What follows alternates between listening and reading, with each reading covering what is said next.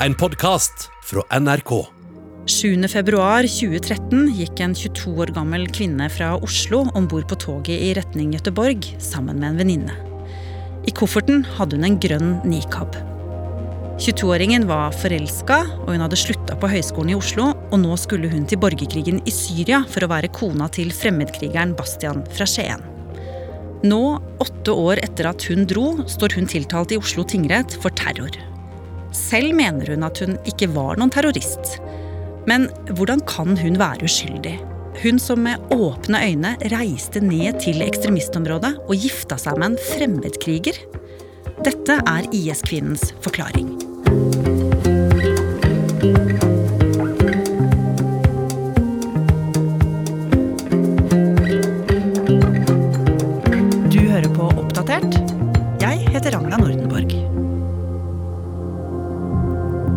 Mandag morgen 1. mars så satt jeg her i NRK og fulgte med på skjermen når eh, IS-kvinnen kom gående inn i salen i Oslo tingrett.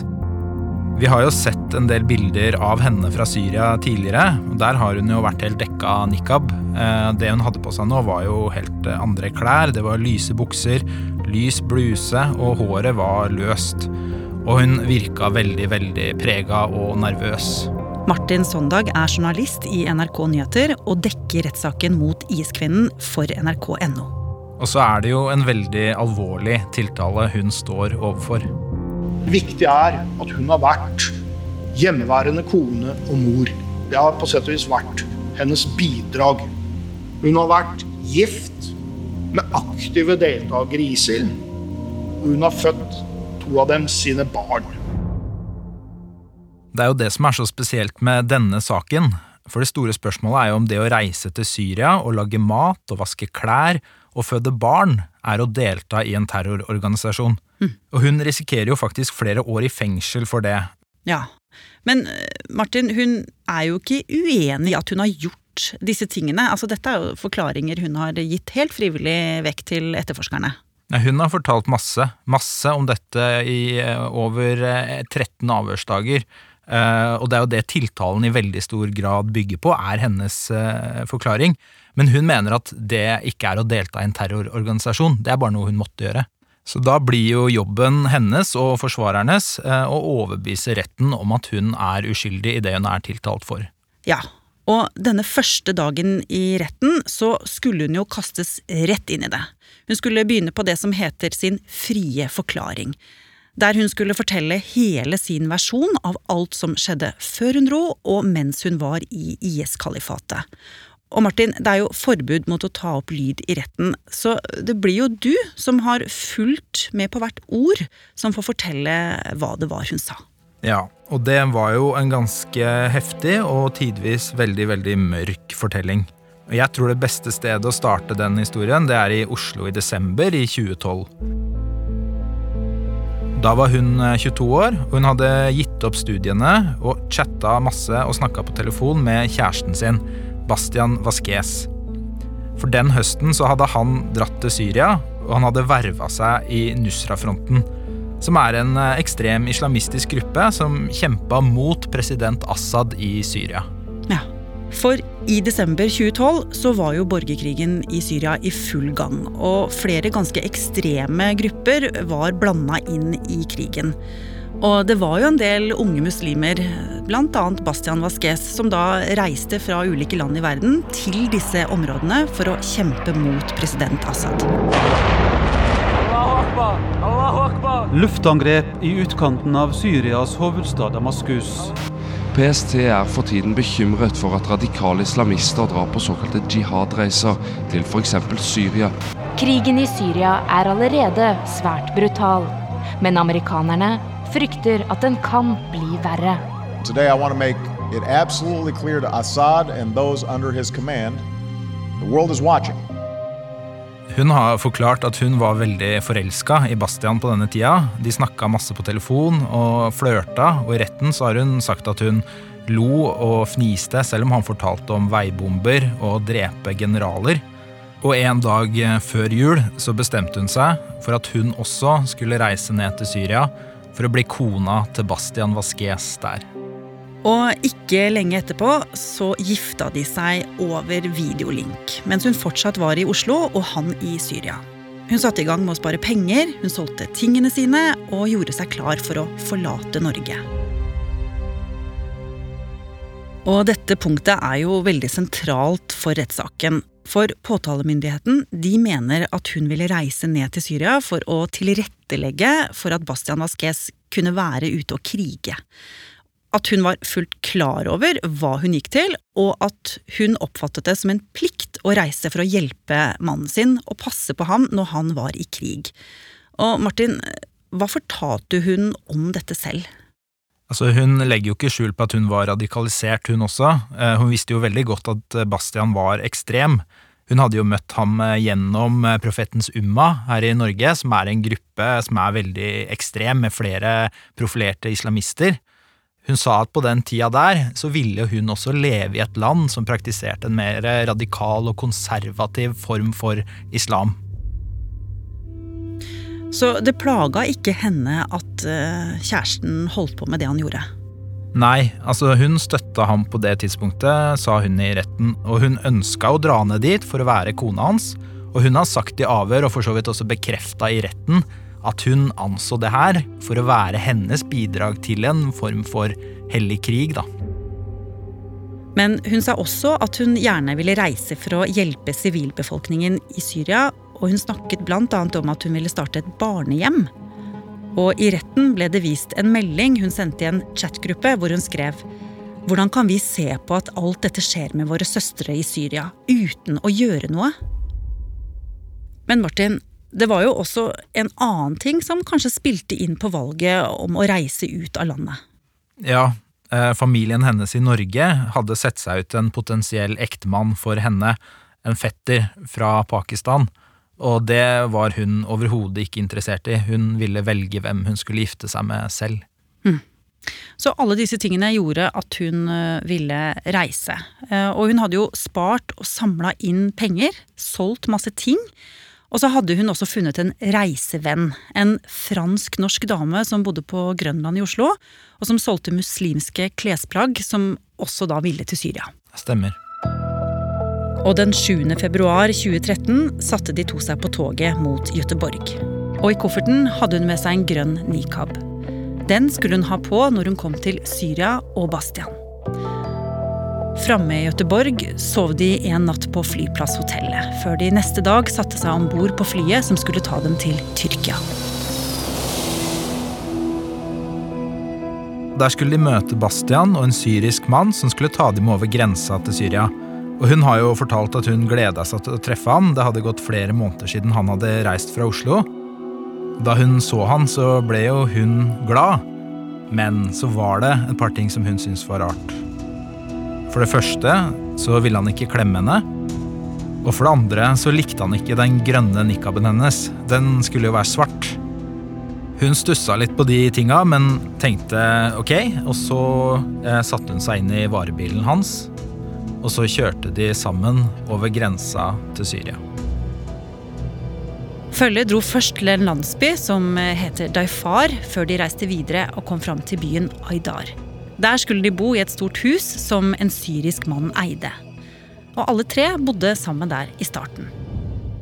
Ja, Det var nå hverdagen eh, for eh, kona til en fremmedkriger virkelig begynte. Hun forteller at hun starta dagen tidlig og måtte lage frokost til alle i huset. Etter hvert så dro Bastian ut, og hun vasket klær og rydda. Hvis han var ute på krig lenge, så ble hun plassert hos den syriske familien som de lånte huset Eh, om han ellers dro ut på dagtid, så var det ofte for å plante veibomber, er det han har fortalt til henne, men han var generelt tilbakeholden med informasjon, eh, sier hun. Hm. Men var det greit, hadde hun det bra? Hun har i hvert fall ikke sagt at hun ville hjem i starten. Eh, hun sa at hun var veldig forelsket, og at hun hadde sett for seg å etablere seg i Syria det har ikke blitt fortalt at hun var på en måte svevde på en rosa sky. Det var mange ting som møtte henne som hun reagerte på, men det er ikke slik at hun ønsket å dra hjem på det tidspunktet her, og det er viktig for saken. Mm. Men samtidig så var det jo noe som skurra litt. Mm. Hun hadde vært tydelig på å formidle at hun ikke var god eller glad i å lage mat, og det var noe som falt i dårlig jord hos Bastian. Etter hvert så kom det ifølge henne flere drypp om at hans humør begynte å forandre seg mer. Det gikk ikke veldig lang tid før Bastian begynte å klage på mange ting, bli sint og kjefte. Det kunne være ting som at hun hadde kokt pastaen for dårlig, eller at det var for mye salt i maten. Hun var ikke vant til å bli kjefta på, og reagerte med å bli inneslutta. Og han fortalte i retten at det var en veldig uvant og ekkel opplevelse for henne. Og så skjedde det noe. Etter et par måneder i Aydar flytta de til et nytt sted. Der var det flere folk i huset.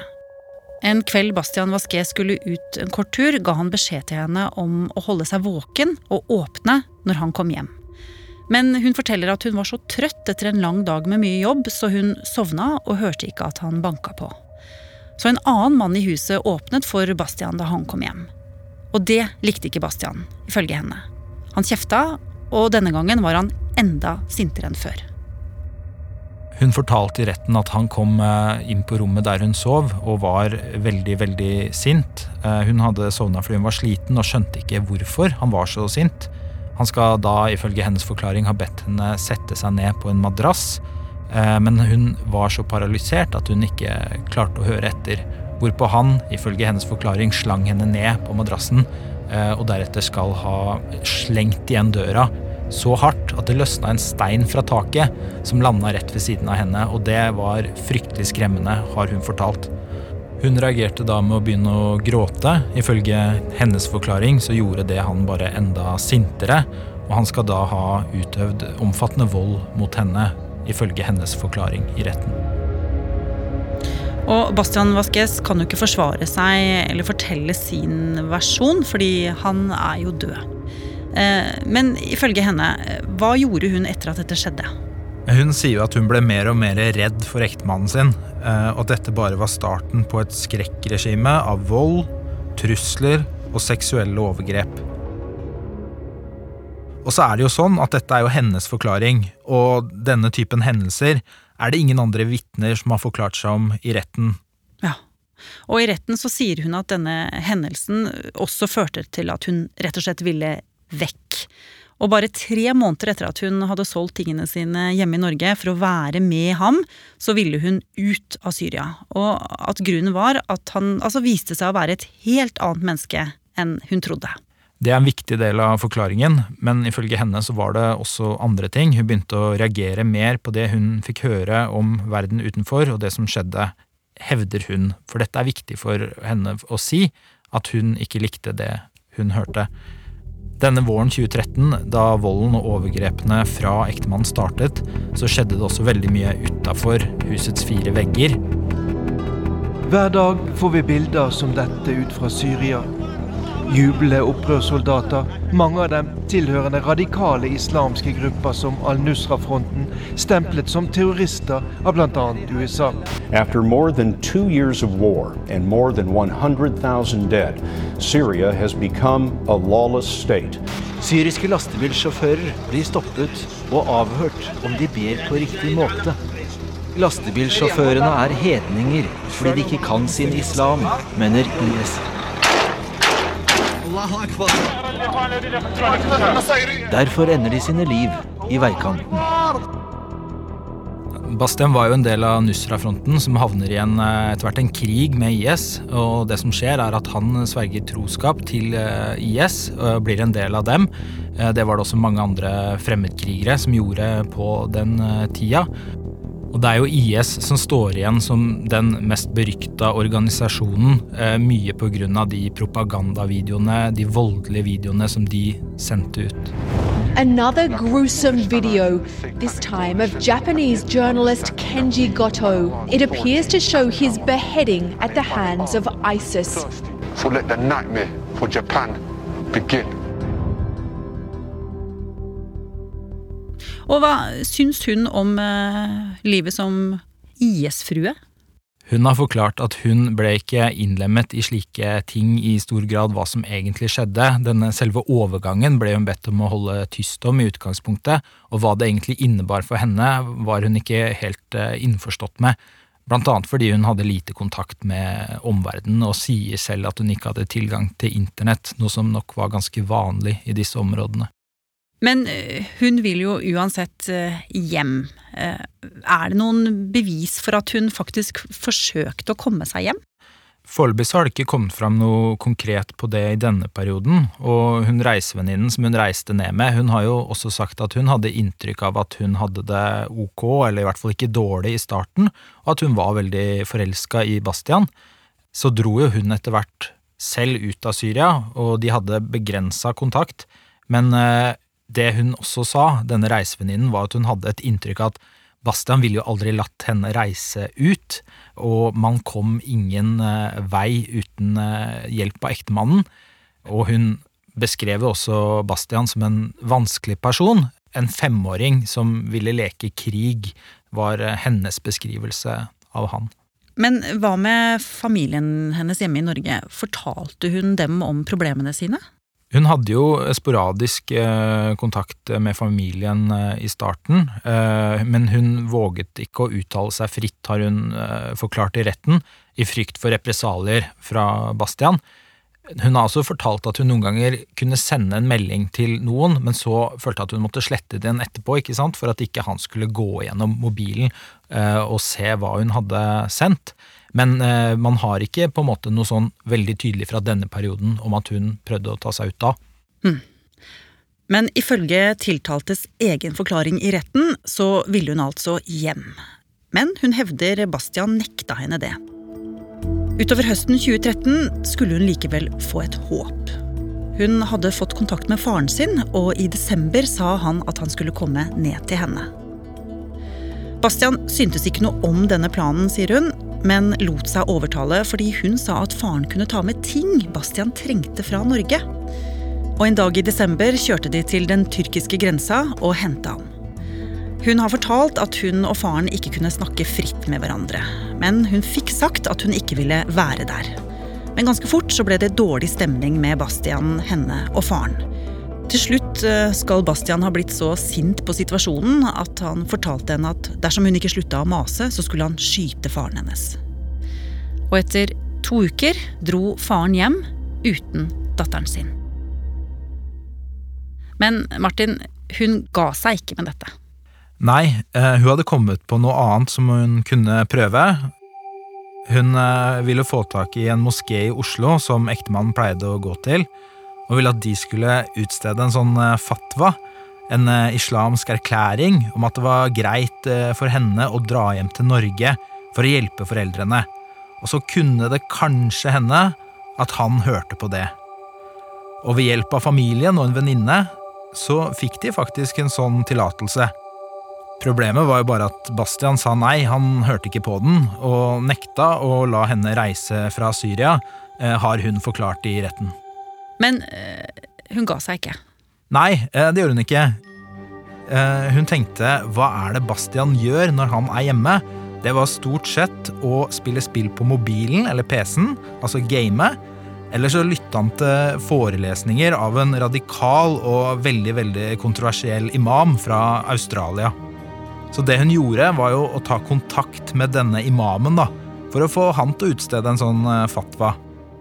Men han sa jo at eh, hun var på hellig land, og at det ikke var riktig for henne å forlate Syria. Fordi det var jo alltids noen andre som kunne ta seg av foreldrene. Så heller ikke dette gikk. Og våren 2014 så var hun gravid. Ja, og når det først var sånn, så så hun en mulighet da for å komme seg ut av Syria og føde barnet i Norge. Men hun mener at Bastian skjønte at hvis hun fikk dra fra Syria, så kom ikke hun til å komme tilbake igjen. Så hun fikk ikke lov å reise? Nei. I stedet så flyttet de mye rundt omkring, eh, og borgerkrigen ble bare verre og verre. Og sivile ble drept i tusentalls. Og i juni 2014 så kom IS med en erklæring om hvor stor makt organisasjonen nå hadde. Den eh, sunnimuslimske opprørsgruppen ISIL har erklært en egen muslimsk stat i områdene gruppen kontrollerer i Syria og Irak. Essentially, it's an Islamic form of government based upon Sharia law. Well, they've got the money and they've got the weapons.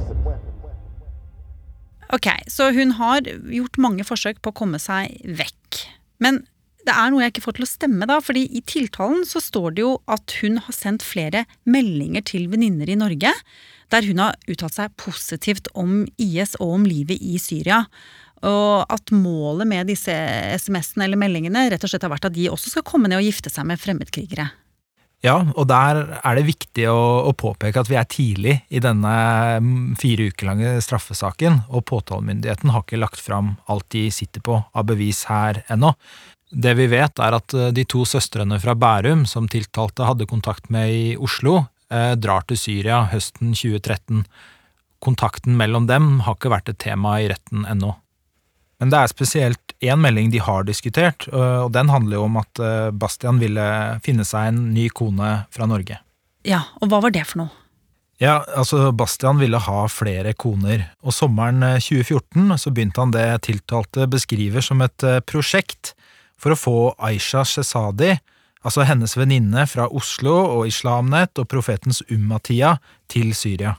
Hva syns tiltalte om den planen, egentlig? Hun ville ikke det. Hun visste at de kom til å måtte dele hus i Syria, uh, uavhengig av hva Bastian lovet uh, venninna. Uh, det hadde han lovet andre også, at de skulle få egne hus. Og så I tillegg visste jo tiltalte at Bastian var avhengig av at tiltalte sendte en melding til venninna der hun godkjente dette ekteskapet. Og det gjorde hun, men hun sier at hun ble truet til å gjøre det. Ja, Og det er en av disse meldingene som blir eh, tatt fram under eh, rettssaken. Nettopp. Så Aisha kommer ned, men det skal jo bli starten på en tragedie.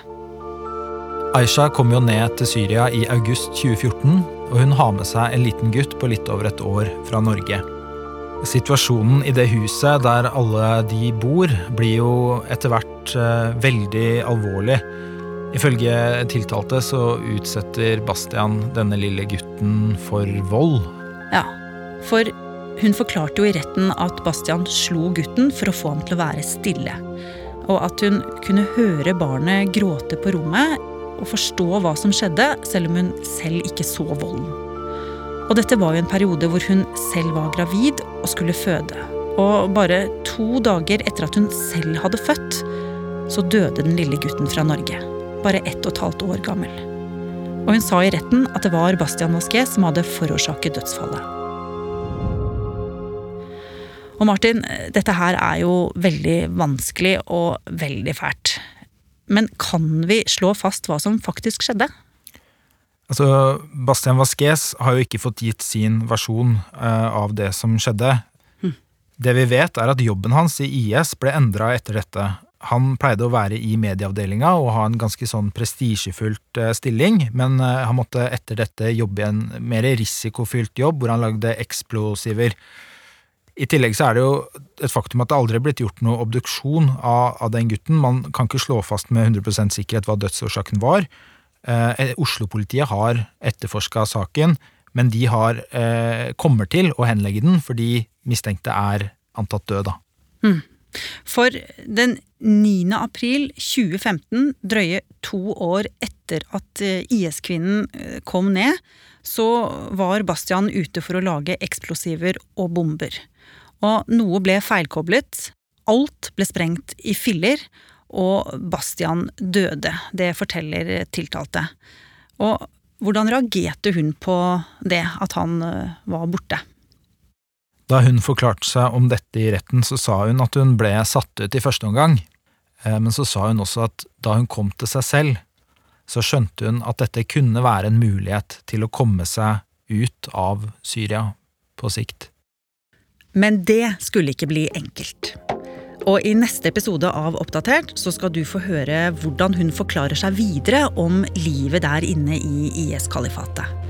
Og så må vi understreke igjen at denne episoden tar utgangspunkt i det tiltalte forklarer.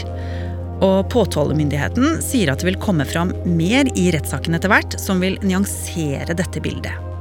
Men samtidig så sier de jo at det at hun på et tidspunkt ville hjem fra Syria, eller at hun skal ha blitt holdt igjen mot sin vilje, egentlig ikke har betydning for om hun er skyldig. Det viktigste for dem er å bevise at hun var fullt klar over hva hun gikk til. Ja, Påtalemyndigheten mener jo at hun oppfattet det som en plikt å reise for å hjelpe mannen sin og passe på han når han var i krig. De er egentlig ikke uenige om eh, faktum her. Altså at hun var der, at hun har vaska klær, at hun har lagd mat, og ikke minst født barn, som eh, påtalemyndigheten mener bidrar til å rekruttere inn i kalifatet. Aktor mener altså at det er det som er en straffbar deltakelse i eh, en terrororganisasjon.